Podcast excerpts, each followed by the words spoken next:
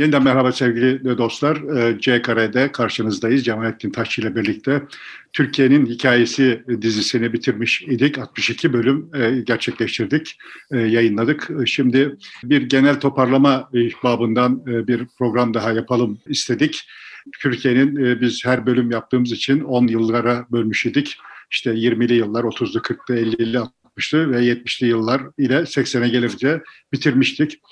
Acaba o günden bugüne bize ne kaldı? Tortu olarak Türkiye'nin hikayesinde devam eden nedir? Yerine alanlar nedir? Geride bırakılanlar nedir gibi bir genel değerlendirme yapalım. E, bir bütün açıdan bakalım. Tek tek küçük parçalar değil de genel bakalım istiyoruz bu programda. Şimdi e, onu yapacağız e, Cemalettin Taş ile birlikte. Evet gerçekten e, izleyicisi var, sadık bir izleyicisi var e, bizim Türkiye dizisinin, hikayesinin. İyi ki yaptınız diyenler e, memnun. Daha az kişi tarafından izlendi ama belli ki izleyenler bu işten çok memnun kaldılar. Biz de bir toparlama yapalım istiyoruz. Gerçekten temel özelliğiyle Türkiye'nin hikayesi nedir? Yani tek başlık ya da iki üç başlık altında toplayabilecek olursak 20'lerden bugüne baktığımızda. Şimdi biz hani 60 yılı 62 bölümde sonuçta elimizden geldiğince analiz etmeye çalışmışız yani. Evet. Çektiğimiz dönem 60 yıl. Bu 60 yıl Türkiye'nin e, bir imparatorluk bakiyesi olarak yeni dünyada bir varlık iddiasını sahnelediği dönem. Anlatmaya çalıştık ki, dile getirmeye çalıştık ki ne kadar becerdik bilemiyorum ama Sonuçta 1920'lerden 1970'lere gelinceye kadar dünya alt üst oldu. Yani fonda Türkiye'nin bir var olma mücadelesi veriyor olduğu fonda yeni sahneye çıkma iradesi sergilemeye çalıştığı dönemde fonda çok kaypak, çok kaygan, çok değişken bir dünya var idi. Dünya tarihinde İsmet Özel bilmiyorum daha önce şey yaptım mı Mataram'da Tuzlu Su şiirinin bir yerinde galiba her şeyi gördüğüm içim rahat diyor. Yani aslında evet, o dönemde yaşayanlar her şeyi gördüler yani. Şey gör. Dünyada yaşanmış olan ne varsa her şeyi gördüler. İnsanlığın 10 bin yıl, 10 e, binlerce yıllık tarihinde olmayacak, olmamış olan şeyler o dönemde oldu. Şimdi önce bir bunu tespit edelim. Şimdi o onlar olup bitiyor iken dünyada fonda bunlar olup bitiyor iken o dünyaya uyum sağlamaya çalışan, o dünyada bir yer edinmeye çalışan bir Türkiye var ve bu yeni bir özne olarak ortaya çıkmış yani. Yani şimdi iki büyük savaş var. Dünya Savaşı, Birinci Dünya Savaşı sonrası biz başladık. Onun yıkıntıları üzerine bir arada bir İkinci Dünya Savaşı var. Arkasından bir Soğuk Savaş dönemi var. Ama bu arada e, üretimin bambaşka şekle büründüğü ve şehirleşmenin büyük oranda tamamlandığı bir de dönem var. Ya sosyal ilişkiler, kadının rolü vesaire gibi faktörler, işte işçileşme, işte bebek ölümlerinin olağanüstü hızlı bir biçimde gerilemesine yönelik olarak çok on binlerce yılda benzeri görülmemiş bir takım demografik değişiklikler vesaireler böyle saymaya başladığımız zaman altından kalkamayacağımız kadar çok, kadar çok hiç olmamış olan şey oldu yani o dönemde. Ve yani işte hani benim çok söylemekten e, hoşlandığım yani üretim e, arz talebi geçti. Yani arz ihtiyacı geçti talebi değil. Yani sonuçta üretim insanları tüketebileceğin üstüne çıktı ve insanları tüketmek istemedikleri şeyleri tüketmeye razı etmek için çabalar harcanması gerektiği vesaire. Bir pazarlama sektörü çıktı, reklam evet. sektörü çıktı oradan değil mi? Yani bu, bunlar hayal edilmesi bile imkansız şeylerdi yani. Evet. On binlerce yıl boyunca insanlık bunların hiçbirisini hayal etmeden yaşaya gelmiş. Daracık hemen hemen her birey daracık e, çevresinde yaşaya gelmiş ve işte birdenbire sosyal ilişkiler çok çeşitlendi vesaire olmayacak şeyler oldu yani. Evet. Şimdi o dönemde bir irade olarak görecek olursak, bir asabiye olarak görecek olursak Türkiye'yi yani zaten kendisi hani kurulmadan önceki dönemdeki değişime göre adaptasyon sağlasın içinde yaşadığımız toplum diye dizayn edilmiş iken o adapte olmaya çalıştığı şey değişmiş ve başı döndü yani Türkiye'nin o süreçte. Bir şeye bir şey tasarlamışsınız. Çünkü işte şurada bir sıkıntı var. Bu sıkıntıyı gidermek için şuna uyum sağlayacak şekilde kendinizi değiştirmeye yeltenmişsiniz. O sizin kendisine uymaya çalıştığınız şey elinizin altından durmadan kayıyor gibi bir tablo içinde bir hikaye yani bu 60 yıl. O 60 yıl tabii orada da kalmadı. Ondan sonra da benzer şeyler devam etti. Burada sonuçta benim açımdan acıklı olan şey şu.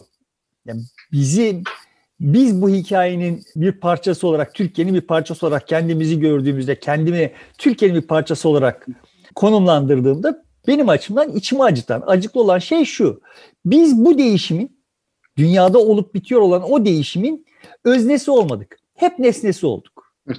Yani uymaya çalışan olduk. Yani onu ona e, bir renk vermeye, ekstra bir ton sağlamaya, onu işte şekillendirmeye, ona etki etmeye çalışan bir özne değil, durmadan orada bir şeyler değişiyor ve biz buna geriden patinaj yaparak yetişmeye çalışıyoruz gibi bir şey yani bu hikaye. Bu dışarıdan bakan birisi olsa bizim halimize acır. Ben de hissettiğim şey Türkiye'nin haliyle ilgili olarak hissettiğim şey hep böyle bir şey oldu. Yani acıklı bir, şey, bir halimiz var. Birileri bir, bir, bir hikaye yazıyor ve biz o hikayede kendimize bir yer bulmaya çalışıyoruz. Hikaye yazanlardan birileri değiliz. Ben bunu şimdi böyle söylüyorum. Ben bunu 70'lerde böyle hissetmiş idim. Kendim idrak ettiğimde böyle hissetmiştim. Yani biz niye yani Japonlar orada kendi başlarına bir şeyler oyunun bir oyuncusu olmaya yelteniyorlar. Beceriyorlar, becermiyorlar ama sonuçta birileri Japonlara yani o hikayede bir yer Japonların o hikayede bir yeri olduğunu kabul ediyor yani. Yani işte dizi içinde söyledik yani. Biz niye Almanya'ya işçi yolluyoruz da Almanya bize işçi yollamıyor? Yani şimdi niye böyle oldu hep her şey? Biz niye işte Afrika'daki bir ülke pozisyonunda kaldık? Bunun e, bu şekilde bu kelimelerle dile getirilmese de zannediyorum bizim neslimizde de bizden sonraki nesilde de hep böyle bulanık bir soru olarak zihinlerde olduğunu düşünüyorum. 70'lerde e, Atilla Karaosmanoğlu çözmüştü işte 30 e, yılda İtalya seviyesine geleceğiz falan diye bir hesabı vardı. 30 yıl değil ya ben ta, tam tarihi hatırlamıyorum. 2300 2100 küsür müydü neydi 2000 bilmem kaç mı? yani ama yani sonuçta işte hep böyle oyunun kuralını bir, birileri koyuyor ve biz bu kurala göre o oyunda kalmaya çalışıyoruz. Şöyle bir şey yani şimdi federasyon futbol federasyonu ne demektir? Nereden çıkmış yani? Kulüpler var. Oyun oyun oynuyorlar. Bir futbol oyunu sahneliyorlar. Bunların birliği federasyon. Oyunun kurallarını o oyunu oynayanlar e, kuruyorlar. Şimdi biz bu federasyonun bir parçası olmadık hiç. Federasyon bir yerlerde oyunun kurallarını koyuyor, oynuyor ve biz o kurallara uygun olarak ama bizi de biz de oynuyoruz bak ama bizi de seyredin bak filan demeye çalışan bir tuhaf özne imişiz gibi geliyordu bana hep. Hep böyle geldi yani. Bu da dediğim gibi böyle içimi sızlatan bir şeydi. Şimdi bu neden böyle olduğu açıklamak için bir takım açıklamalar geliştiriliyor. Kimse soruyu bu kadar net sormasa, yani böyle sormasa da herkes bir biçimde bu soruyu soruyor yani. Ve herkes buna bir takım açıklamalar geliştiriyor. İşte kimisi diyor ki efendime söyleyeyim aslında Atatürk bu işi yap, yapacak idi. Biz bu oyunun oyuncusu olmuş idik. Bu federasyonun bir parçası idik ama sonra düştük çünkü işte şeriatçılar geldiler bu oyunu bozdular. Hı. Kimisi diyor ki işte ya aslında biz bu işi yapacak idik tam ya da yapıyor idik. Biz zaten buradaydık ama işte bu Atatürkçüler geldiler. Bizi zaten oyunun bir kural koyucusu olmaktan çıkarıp seyircisi haline getirdiler. Taklitçi zihniyetler yüzünden bu duruma düştük. Kimisi diyor ki işte biz aslında şöyle hani dört başı mamur herkesin aynı hedefe kitlendiği bir davranış sergileseydik bu duruma düşmeyecektik ama işte bu Kürtler oyunu bozdu işte öteki diyor ki bu Aleviler oyunu gibi gibi böyle hep sonuçta benzer açıklamalar Türkiye'de tekrarlanıp durdu yani. Benim bu süreç içinde yani 70'lerle birlikte başlayan kendi maceramda öğrendiğim şey şu oldu. Aslında Türkiye'nin potansiyeli yeterince realize edilemedi. Neden yeterince realize edilemedi? Yani Türkiye pek yani böyle Türkiye oyunda oyuncu olsun da bilmem kim birilerine hükmetsin filan manasında söylemiyorum. Bunun, taleplerim bunlar değil ama yani sonuçta bu dünyada Türkiye'nin bir rengi olsaydı bütün o değişim sürecinde Türkiye'nin bir rengi olsaydı belki bütün dünya için bu bütün dünyanın menfaatine olacaktı ama bizim açımızdan şöyle bir menfaat olacak. Biz bu kadar aşağılık kompleksiyle mağlul bir toplum olmayacaktık yani. Yani kendimize bakarken böyle dürbünün tersinden bakan, kendimizi çok aşağılayan falan falan bir durumda olmayacaktık ve benim açımdan kompleksler çok hem bireylerin hem de toplumların hayatta çok belirleyicidir. Yani çok acıtıcı bir şey kompleks sahibi olmak. Ben bir de oynuyorum. Yani beceriyorum, becermiyorum ama işte becerdiğim kadarıyla oyunu böyle oynuyorum diyebilmek insanı hayatını Peki hep her dönem böyle miydi yani? E, belli bir dönemden işte sonra mı bu e, karamsarlık ve e, şey başladı? Şimdi burada birbiriyle makası giderek açılan iki tane ayrı şeyden söz etmek gerekiyor. Birincisi iddia düzlemi. İddia düzleminde Türkiye 1920'lerdeki iddiasından çok geriye düşmüştü 1970'lerde. İkincisi bir gerçeklik düzlemi. Gerçeklik düzleminde biz 1920'lere kıyasla 1970'lere geldiğimizde evet biraz daha gerilemiştik. Ama arada yani o gerçeklik düzlemindeki fark o kadar yüksek değil. Çünkü 1920'lerde de o kadar çok hesaba katılan bir unsur değildik.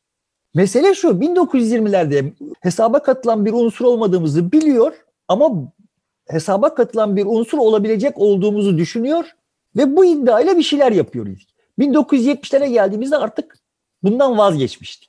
Esas fark yani 1920'lerden 70'lere gelen 80'lere geldiğimiz o 60 yıllık dönemde asıl olan şey bu iddianın kaybedilmiş olmasıdır ve ben bunu çok önemsiyorum. İddiayı kaybetmemiş olsaydık yanlış yapmak çok dert değil. Şimdi Türkiye'de sürekli olarak... Bu iddiayı derken bir yönetimin iddiası değil, e, toplumun e, Top, iddiası olarak, bireylerin tabii, iddiası olarak diye söylüyorsun. Bunlar, bunlar karşılıklı e, interaktif şeylerdir. Yani toplumda o iddia olmasa yönetimde birilerinin Kemal'in kendi kendine gelip olmaz canım siz böyle iddiasız olmuyorsunuz. Sizi iddialı kılmak gerekiyor demesiyle iddialı olunmaz. Zaten toplumun kendisinin bir ya emperyalizm işte filan falan neyse yani bir e, ona karşı çıkma bir özgürlük iddiası olmasa oralarda buralarda bir takım kuvayi milliyeler olmasa falan filan böyle Kemal'in siyasi dehalarıyla falan filan bu işler olmaz. Ama öteki taraftan da eğer toplum kendi içinden o iddialara uygun Kemalleri çıkaramıyor ise yani kendi ruh durumunu kendisine tercüme edecek, ete kemiğe büründürecek insanları çıkaramıyor ise, liderleri çıkaramıyor ise o potansiyelde akim kalır. Nitekim, nitekim zaten yaşadığımız şey bu oldu. Biz toplumdaki potansiyeli idrak edebilecek, onu yönlendirebilecek insanları aramızdan çıkaramadık. Kemal'den Vasatlarla sonra, idare ettik diyoruz. Pardon? Vasatlarla idare ettik diyorsunuz. Özellikle 60'lar ve 70'lerde. Evet. Vasat yani, yönetimlerle. Evet sonuçta vasatlığı yani toplum kendisine bu vasatlığı yakıştıramadığı halde topluma o vasatlığı, toplumu o vasatlığa ikna eden aktörlerimiz oldu artık iş 60'lara e, 70'lere geldiğinde. Yani siz boş verin yani ne yapacaksınız Japonya olup? Ya olamazsınız zaten yani. Ya o hayalleri bırakın şurada hani üç kuruş kendi aramızda işte bize göre bir basınımız, bize göre bir futbolumuz, bize göre bir ekonomimiz, bize göre her şeyimiz bize göre olsun. Biz böyle işte dünyanın ücrasında kimseye ilişmeden, kimse bize ilişmeden öyle yaşayalım yani. Bize bu düş, düşen budur noktasına getirildi Türkiye. Toplum buna razı edildi. Yani razı edildi derken toplum iddiasından tümüyle vazgeçmiştir ve bir daha asla iddia sahibi olmayacaktır filan manasına söylemiyorum. Razı etmek demek yani aslında vazgeçmediğin bir şeye bir şeyi geçici olarak kabul etmek manası taşır yani. Bir açıdan bakınca. Dolayısıyla Türkiye'nin hala o potansiyel bir yerlerde bir takım potansiyelleri falan falan var olabilir. Onları bilemem. Ne kadar kaldı onu da bilmiyorum yani. Ama ana hatları itibariyle hikayenin tamamına uzaktan baktığım zaman gördüğüm şey 1920'lerdeki iddia yani 19. yüzyıldan devreden 1920'lerdeki iddia Türkiye'nin muhtelif yerlerde başını derde sokmuş iddia yani şimdi bu tarafına da gelelim. Yani sonuçta eğer hakkından gelemeyeceğin kadar çok iddia sahibiysen başına da olmayacak işler gelir yani. Evet. Ama esas mesele zaten budur yani. O hayat dediğimiz şey ana hatları itibariyle hemen her alanda dozu kontrol etmektir zaten.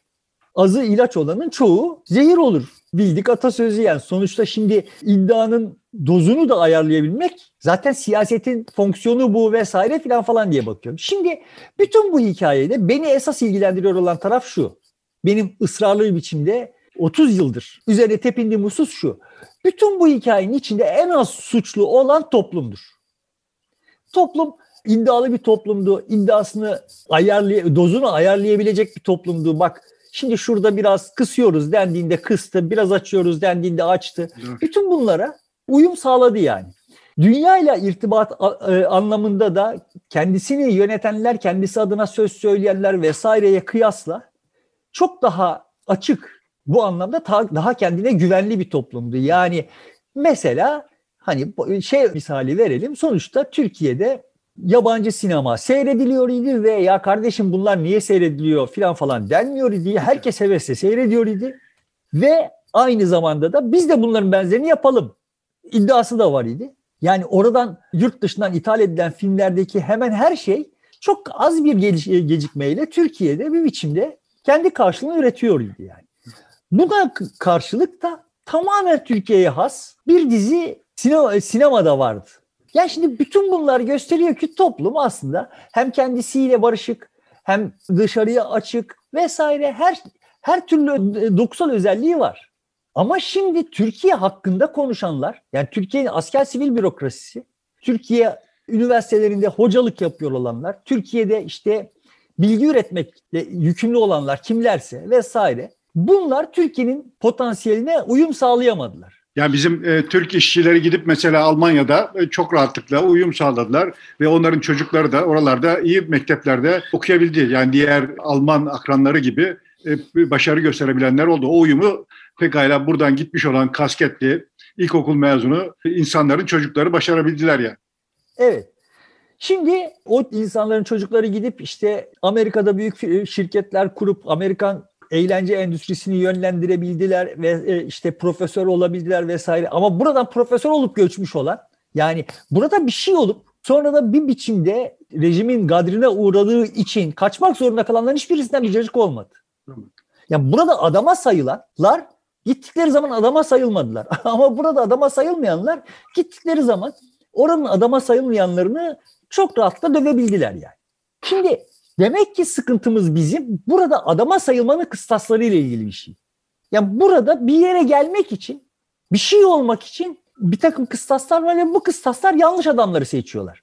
Ya da yani yanlış adamları seçiyorlar da doğru olmayabilir. Şimdi o kıstas ben şimdi üniversitede akademisyendim. Bana deniyordu ki ya yaz iki sayfa doktora tezi getir.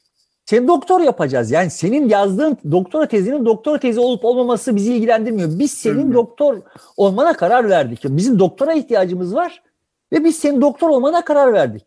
Benim verdiğim cevap şuydu, şuydu yani. Harvard'da tez olmayacak şeyi Anadolu Üniversitesi'ne tez olarak vermem. Ya çünkü benim bakış açıma göre bu evrensel bir kriterdir kardeşim yani. Kafanıza göre birilerine doktor unvanı veriyor olduğunuz zaman bu sistem çalışmaz. Şimdi böyle oldu mu oldu. Böyle verildi mi verildi. Bana ben yapamadım sonra doktora tezimi. Harvard'da yapılacak doktora tezini buranın şartları yapamadığım için tez aşamasına bıraktım ben doktorayı yani yeterliğimi almışım her şey yolundayken bıraktım yani. Ama şimdi başkaları bırakmadılar. Şimdi onlara eğer kardeşim bu tezlerle doktor olunmaz. Şu standartlarda olacak tezleriniz denseydi o insanlar başka insanlar olacaklar. Ama denmedi. Şimdi kimseyi suçlamak da teker teker şahısları suçlamanın da alemi yok. Yani şimdi Demirel'in Türkiye'sinde kimseye kardeşim uluslararası standartta doktora yapacaksınız denmedi. Ya Türkiye'nin standartları var bununla idare edin kardeşim dendi. Yani.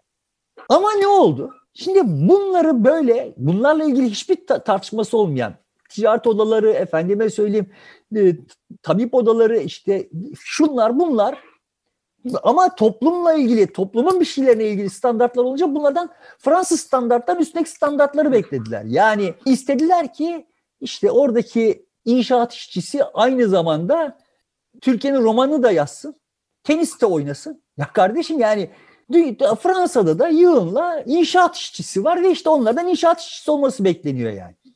Ama müziği yapacak olan sizsiniz.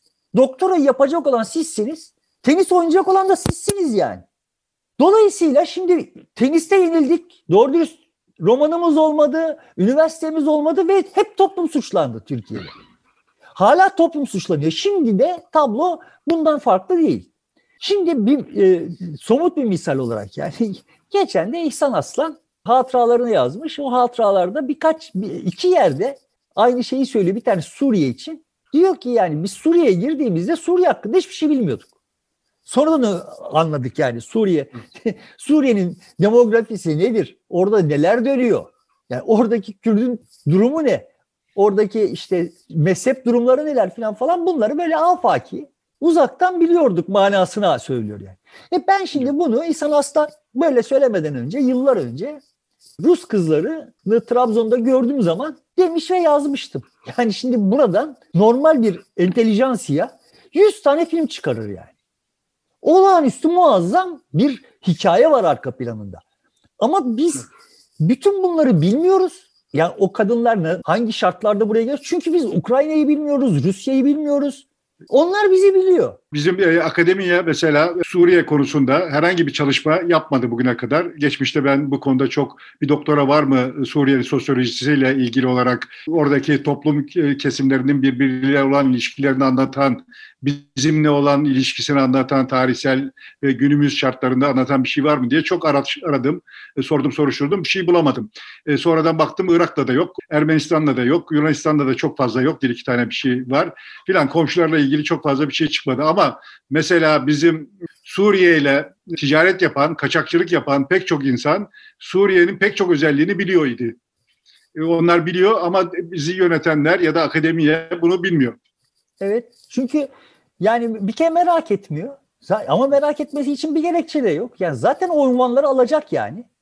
Öte yanında da zaten hani o kaçakçıya ya da inşaat işçisine falan falan ya da kardeşim sen neyi biliyorsun? Bu yaptığın işi neye yaslanarak yapıyorsun vesaire falan falan gibi böyle onunla işli ilişkiler kurmaya da teşne değil. O zaten bütün varlık sebebi o inşaat işçisine o kaçakçıya yukarıdan bakmak yani. Şimdi Türkiye böyle bir Türkiye oldu. Başlangıçta böyle bir Türkiye değildi. Türkiye böyle bir Türkiye oldu. Ve bu, bu 60 e, yıl içinde oldu. Şimdi e, dizi boyunca ısrarlı bir biçimde söylediğim ki bunun birinci sorumlusu ordudur. Birinci sorumlusu. Yani 60 darbesiyle öyle veya böyle iyi kötü bir şekilde ince ayarı yapılıyormuş gibi görünüyor olan sistemi tamamen devre dışı bırakıp kendi normlarına göre böyle işte makamlar, unvanlar vesaireleri falan falan dağıtan ve bu normlar da bilgiye yaslanmayan yani sahiden de bir şey biliyor olmayı gerektirmiyor yani. Yani Suriye'de ne oluyor olduğunu bilmen gerekmiyor istihbaratçı olman için yani. Onlara yakın olman gerekiyor. Ya da yani işte filanca ideolojiye çünkü dataya ihtiyacı yok. Ya asker dediğinin dataya ihtiyacı yoktur. Yat dersin herkes birden yatar yani. Şu yattı bu şu kadar yattı filan falan gibi, gibi bir durum yok. Şimdi böyle bir dünya tasavvurları olan bir takım ahmaklar askeri okullarda okumuş olmanın getirdiği küstahlıkla böyle sadece genel çerçeveyle, teoriyle yani yani Atatürkçülük, efendime söyleyeyim ötekisinin İslam, berisi, berikinin sosyalizm böyle. Peki sosyalizm ne dediğin zaman nutku tutulacak adamlar, sosyalizmi hiç bilmeyen insanlar memlekette sosyalist oldular ve sosyalist ahkamı kestiler. Yani Türkiye'nin sosyalistlerinin dünya sosyalizm literatürüne tırnak ucu kadar katkısı yok. Kimse de bunu umursamıyor yani. Kimse umursamadı da. Yani şimdi Perinçek denen adamın dünya sosyalizmine zerre kadar katkısı yok literatürüne. Çünkü zaten öyle bir ihtiyaç yok. Çünkü burası eylem alanı. Neden böyle? Çünkü ordu ordu böyle yani. Şimdi bunları söyleyince toplumun hiçbir suçu yok. Ya toplum ya, ya toplum ne yapabilir yani? Şimdi yani toplum dediğiniz şey nasıl bir şey? Yani sonuçta sen eğer Ahmet'e yani bizim hikayemizdeki diyelim ki Yaşar. Yaşar'a ya kardeşim bak şu şartlara sahip olabilmek için şu standartları sağlaman gerekir desen belki o işte akşam lisesine devam edecek bir şey. Ama işte bunla, bu şartlar ortadan kaldırılınca adam niye devam etsin ya? İşte toplumun burada ne suçu olabilir yani? Ama toplum masum değil. Ya hiçbir toplum masum değildir. Bunu da konuştuk yani. Toplum masum olmaz yani. Toplum dediğin şey böyle şartlara göre uyum sağlama kabiliyeti olan ve dolayısıyla da evet yani fırsatlar çıkıyor ise, imkanlar çıkıyor ise başkasının ümüne basan bir şeydir. Dünyanın bütün toplumları hep böyle ola geldiler yani. Dolayısıyla o fırsatların çıkmasına mani olmak gerekir. O fırsatların çıkmasına mani olurken de bir takım standartların olması gerekir. Şimdi bu standartlar, Türkiye'nin standartları çok düşük standartlar. Bu düşük standartları da Yaşar'a avantaj olsun diye koymadılar. Kendilerine bir avantaj olsun diye koydular. Yani uyduruk gazeteler yaptılar, gazete sayılsın. Uyduruk şekilde futbol oynadılar, futbol sayılsın. Her şey uyduruk. Ve işte sonuçta istihbaratım var, işi gücü beni fişlemek. Yani Türkiye'nin en uzun sınırı olan Suriye'nin öteki tarafında ne oluyor bununla ilgili ilgisi yok. Ama beni fişliyor ODTÜ öğrencisi olarak.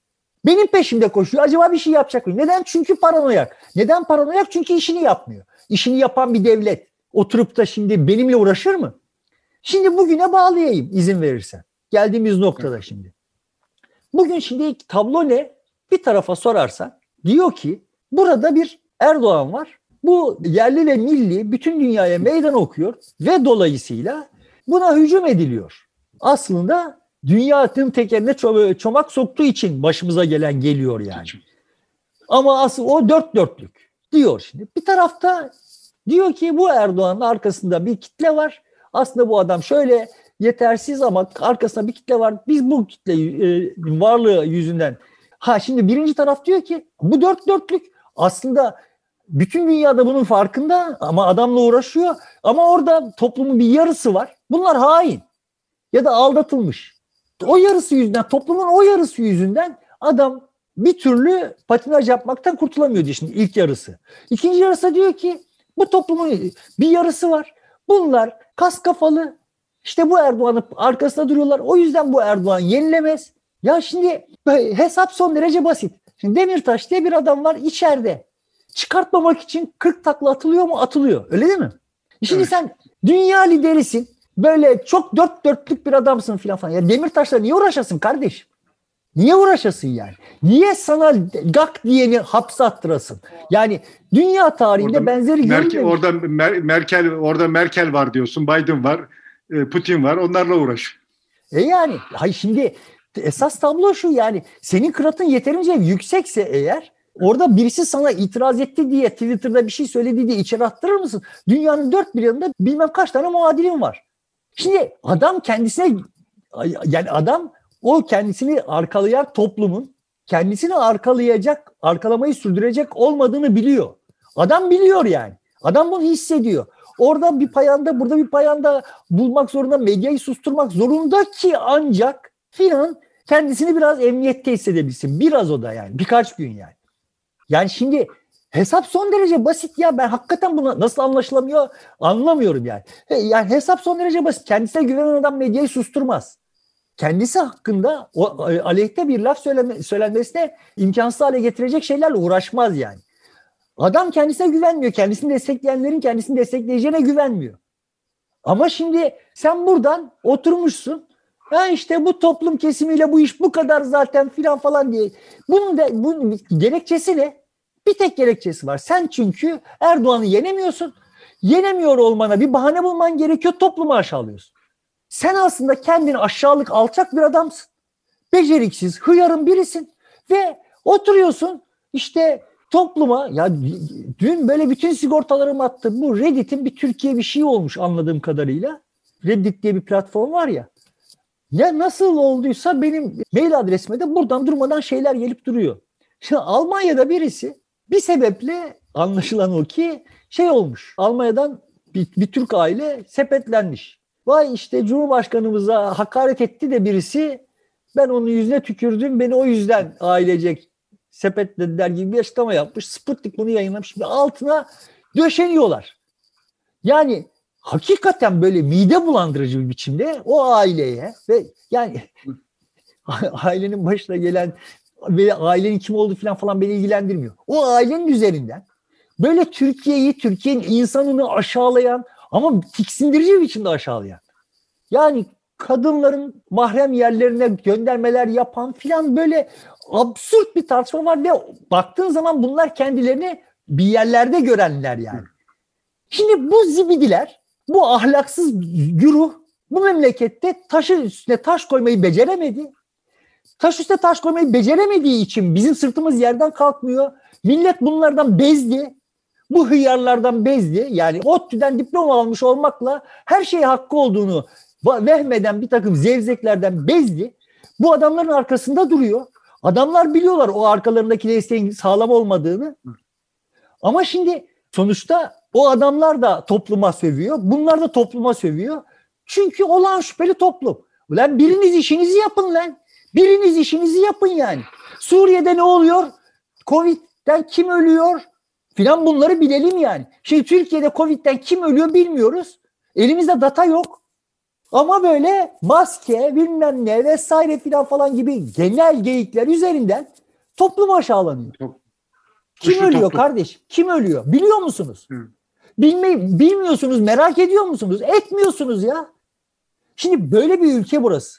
Bu hale geldi. Buradan sonra bir çıkışı var mıdır Türkiye'nin? Ben sahiden çok çok ümitsizim. Yani şimdi Türkiye'de bakıyorsun ya şimdi ta- tablomuz bu.